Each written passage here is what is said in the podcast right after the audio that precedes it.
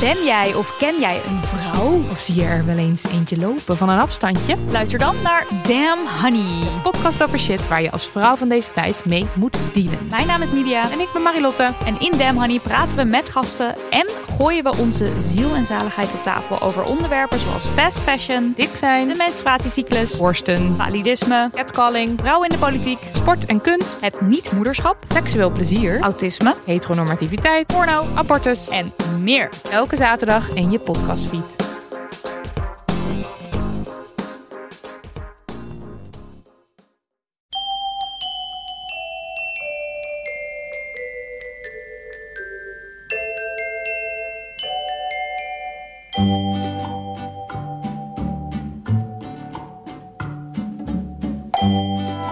Welkom bij aflevering 260 van Echt Gebeurd, de podcast waarin waargebeurde verhalen worden verteld door de mensen die ze zelf hebben meegemaakt.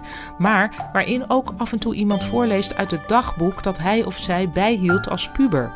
In deze aflevering het puberdagboek van Pelumi Adejumo.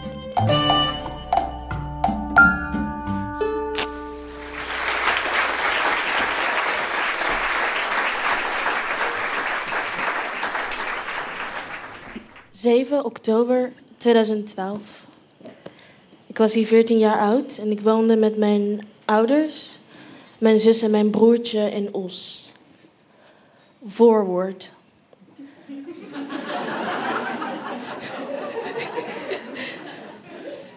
Met dank aan mijn nieuwe vriendin Miriam, die zelf ook een dagboek slash verhaalboek heeft, begin ik er ook een. Eerlijk gezegd wilde ik een blog maken, maar onze toetsenbord doet het niet. Skere tijden.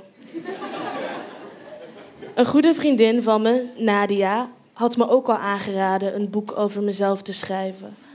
Alleen, ik vond mijn leven niet interessant genoeg. Het zou dan echt een boek zijn over een zielig meisje dat gepest wordt, wie niemand mag, een meisje dat erg onzeker en ongelukkig is. Nu, thank God, ben ik dat meisje niet meer. Ik ben niet meer dat zielige meisje of die rare meid dat gepest wordt. Niet meer over die stomme wijf die niemand mag. Nee, dat ben ik niet. Ik ben nou eigenlijk best gelukkig. Maar onzeker, dat nog wel. Wie ben ik? Ik denk dat het niet uitmaakt hoe oud je bent. Het blijft een moeilijke vraag. Ik bedoel, wat moet je zeggen over jezelf? Wat moet je vinden? Ik weet dat ik Pelumi Magdalene Adenike Adejuma ben. Born in Naija, Nigeria, in Lagos, in Shasha. Ben op mijn vijfde verhuisd naar Nederland. Bijna zes. Maar ik denk eerlijk gezegd niet dat dat het antwoord op de vraag is. Ik bedoel, tuurlijk ben ik Pelumi. Hoezo natuurlijk? Als het niet aan God was, had ik net zo goed Labaja kunnen zijn. Wat wil je weten van me? Hoe ik ben, want dat hoort ook bij wie ik ben. Wat ik leuk vind en graag doe met mijn hele hart hoort daar ook bij. Dus wie ben ik? Eerlijk gezegd weet ik het zelf niet. Behalve dan dat ik Pelumi ben. Maar wie is Pelumi? Er zijn zoveel Pelumis. Wat maakt me anders dan de rest? Dat hoop ik achter te komen bij het schrijven van dit boekje. Hoop, dat heb ik. 7 oktober 2012, dezelfde dag. Feiten en meningen. Wie ik ben kun je verdelen in feiten en meningen. Want niet iedereen denkt hetzelfde over mij, toch? Ik kan wel iets vinden over mezelf, maar zien andere mensen dat ook in mij? Feiten, naam. Adeimo. Leeftijd nu 14 jaar, 27 mei 1998. Woonplaats Os. Nationaliteit Nederlands. Afkomst Nigeria. Lengte 1,63 meter. Gewicht te dik. Tussen haakjes 60,02. Dat is dus een mening. Ik kan mezelf dik vinden, maar anderen mij weer normaal of dun. Dat ligt volgens mij aan hoe je jezelf bent. Het liefste zet ik mijn onzekerheid neer als een feit, maar veel mensen vinden juist dat ik zelfverzekerdheid uitstraal. Ik heb het gevoel dat ik ooit wel zelfverzekerd word, Alleen ik vrees dat ik nog een lange weg te gaan heb. Iets vrezen is ook heel bang. Ik ben bang. 8 oktober 2012, 14 jaar, maandag. Waarvoor? Waarvoor ik bang ben? Daar komt geen beginnen aan, nor eind. Ik ben bang voor alles, van alles. Ik ben bang voor wat mensen vinden van me. Ik weet dat ik dat niet zou moeten zijn, maar het kan niet anders. Het komt denk ik ook omdat ik zelf niet eens zo goed weet wie ik ben. Ik ben bang voor de dood. Daar heeft iedereen wel eens in zijn leven angst voor. Daarom zoeken ze een geloof op, zodat God of Allah of Boeddha of weet ik veel wie hen gerust kan stellen over wat er gebeurt na de dood. Ik respecteer elk geloof, alleen ik ben het niet eens met wat er staat of geldt. Ook ben ik bang voor verandering, om niet geaccepteerd te worden. Het liefst zou ik alles aan mezelf willen veranderen, maar dat ben ik niet. Ik kan niet doen alsof ik iemand anders ben. Volgens mij ben ik het meest bang voor wie ik ben. En dat kan niet. Op school. Ik voel me kloten. Gisteren al een rotdag en vandaag dus ook.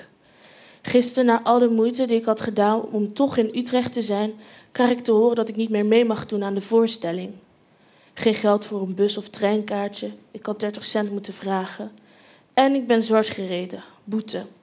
Ik voelde me zo klein, alleen en dom. Maar nee hoor. Niemand was daar om me te troosten. Ik moet het ook altijd zelf doen. Ik ben er altijd voor iedereen, zo lief voor mensen, maar ze moeten me niet. Ze vinden me niks. Ze hebben me alleen wel eens nodig.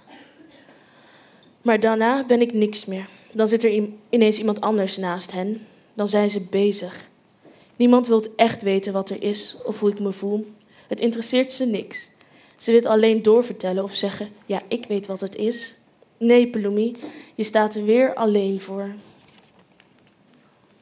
En dat doet pijn. Het doet pijn omdat ik denk dat er iets verkeerd met me is. Vorig jaar moesten ze me ook al niet omdat ik stink. Waarom doen mensen me altijd pijn? Waarom ik? Ik probeer ook maar zo normaal mogelijk te zijn. Nadia zegt dat het komt omdat ze jaloers zijn. Maar waarom? Waarvoor? Ik ben niks. Ik ben niemand. Waarom de fuck zou iemand jaloers op mij kunnen zijn? Ik heb niks. Heb niks te bieden. Ik ben alles behalve interessant. Misschien vinden mensen dat omdat ik het zelf vind. Want mama zegt altijd: You must love yourself before you can love others. Maar zelfs als ik van mezelf hou, houden mensen dan ook van mij? Zullen ze me dan eindelijk accepteren of worden ze juist jaloers, verwarrend? Ik ben verward. 9 oktober 2012. Dinsdag. Wat nog meer verwarrend is, is mijn verschrikkelijke crush op Mick.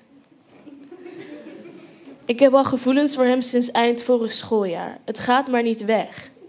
Ik snap echt niet wat ik zo leuk aan hem vind. Hij is gewoon zo leuk en gek en raar en vaag en doet musicals en is zo mysterieus.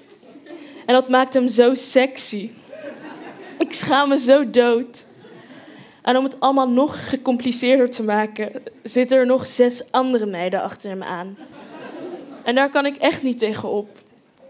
Ik weet dat hij mij ook niet leuk vindt, maar toch wil ik het hem vertellen. Zodat ik na zijn afwijzing hem kan vergeven.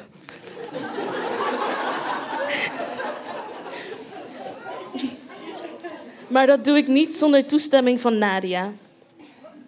Ik ben ook zo verward omdat Mick echt zo'n jongen is waarvan ik dacht nooit op te kunnen vallen.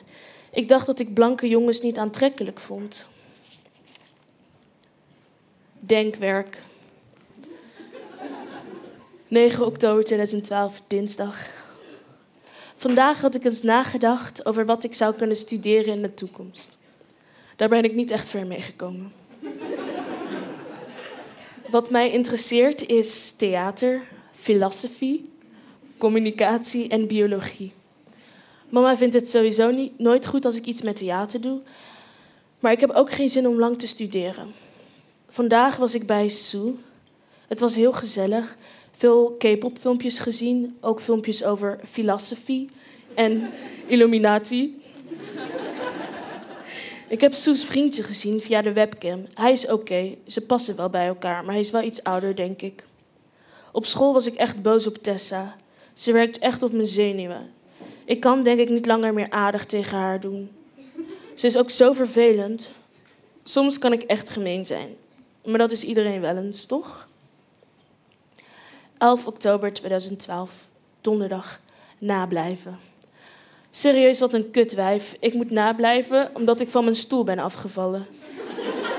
en omdat ik vorige week niet was komen opdagen.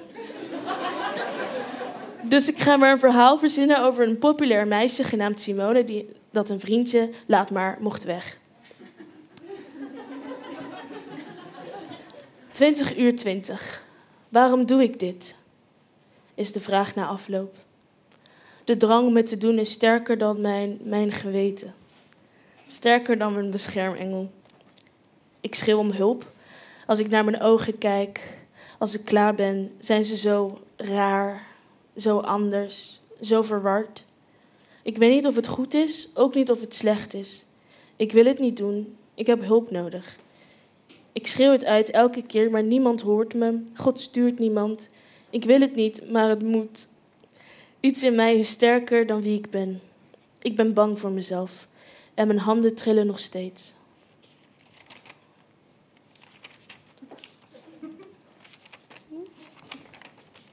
...22 november 2012. 21 uur 44. Niks, doch morgen. Ik kan niks. Ik mag niks. Niet spreken, niet zingen, niks denken, niks voelen. Ze indoctrineren mij met propaganda en tijd speelt een rol. Denk je dat je wijzer bent, wordt er naar me toe geroepen. Met erachter, ik ben ouder, ik weet beter. Manipulatie en discriminatie. Dus omdat ik jonger ben, kan ik niks, mag ik niks, niet spreken, niet eens zingen, niks denken en niks voelen. Toch noemen jullie ons de toekomst. 22 november 2012. Lying in bed, eyes closed, words on replay in my head, emotions filled with anger and rage, bluntly piled inexperienced of age, tears oppressed Against my veins, a trail of blood has escaped.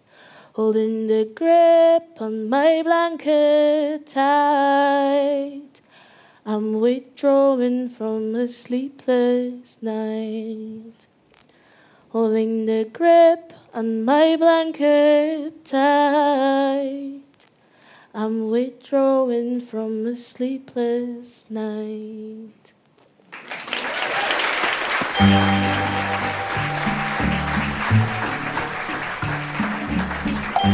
Dat was het puberdagboek van Palumi Adejumo.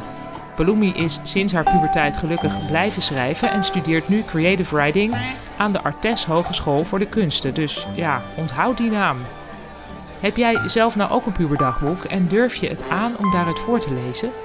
In het najaar gaan wij weer één keer per maand een echt gebeurtmiddag organiseren in Comedy Club Toemler in Amsterdam.